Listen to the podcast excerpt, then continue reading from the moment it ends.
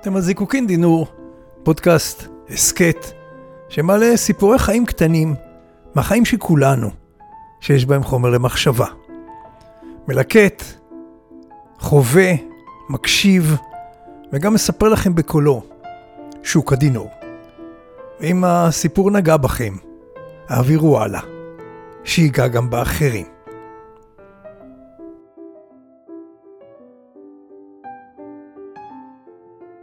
והסיפור של היום תחת הכותרת ועכשיו אתה במאורה שלי.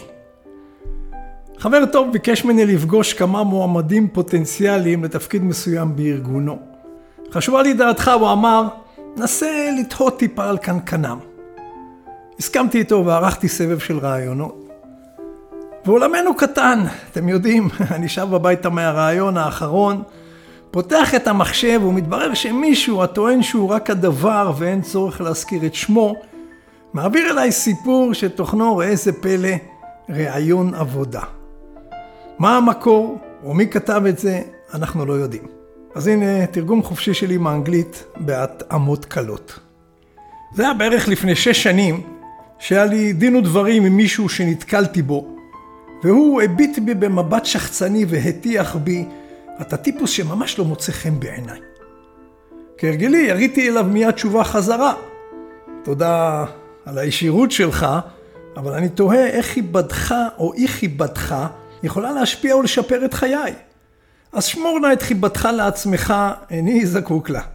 אני מעדיף את חיבתם של אנשים שחשובים לי ושמשפיעים על עתידי. והמפגש הזה נשכח ממני.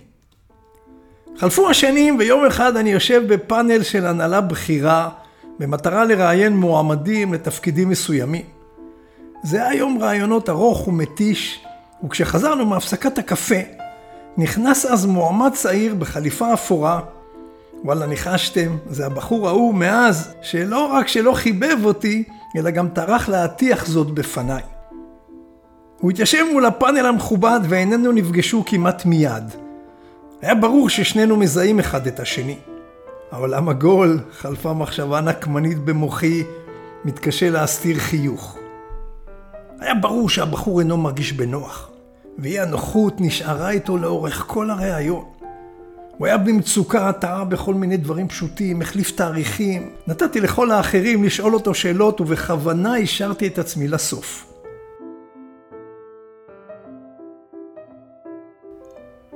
כשהגיע תורי כאחרון המראיינים, פתחתי ואמרתי לו, שמע, שמע בחור, אתה...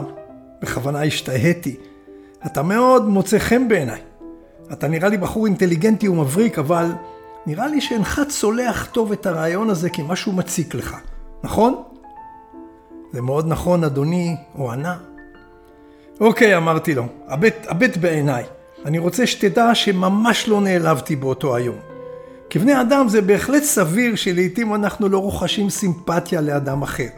לי, למען האמת, זה לא, זה לא כל כך הפריע. מאחר שבין אם אתה מחבב אותי או לא, אין לזה שום השלכה על חיי או על מסלול ההצלחה שלי. כפי שאתה רואה הפוך, הגורל הביא אותך לפתח המאורה שלי. ואז נעמדתי ורמזתי לו בתנועת יד להתקרב אליי, והושטתי לו את ידי ללחיצה. כל החברים בפאנל לא הבינו מה מתרחש כאן. תראו בוודאי אם הם לא באיזה סצנה הוליוודית. והבחור ניגש אליי, לחץ ידי בחום. נדמה לי שזיהיתי לחלוכית בעיניו, וחשתי את הכרת התודה בלחיצתו הארוכה.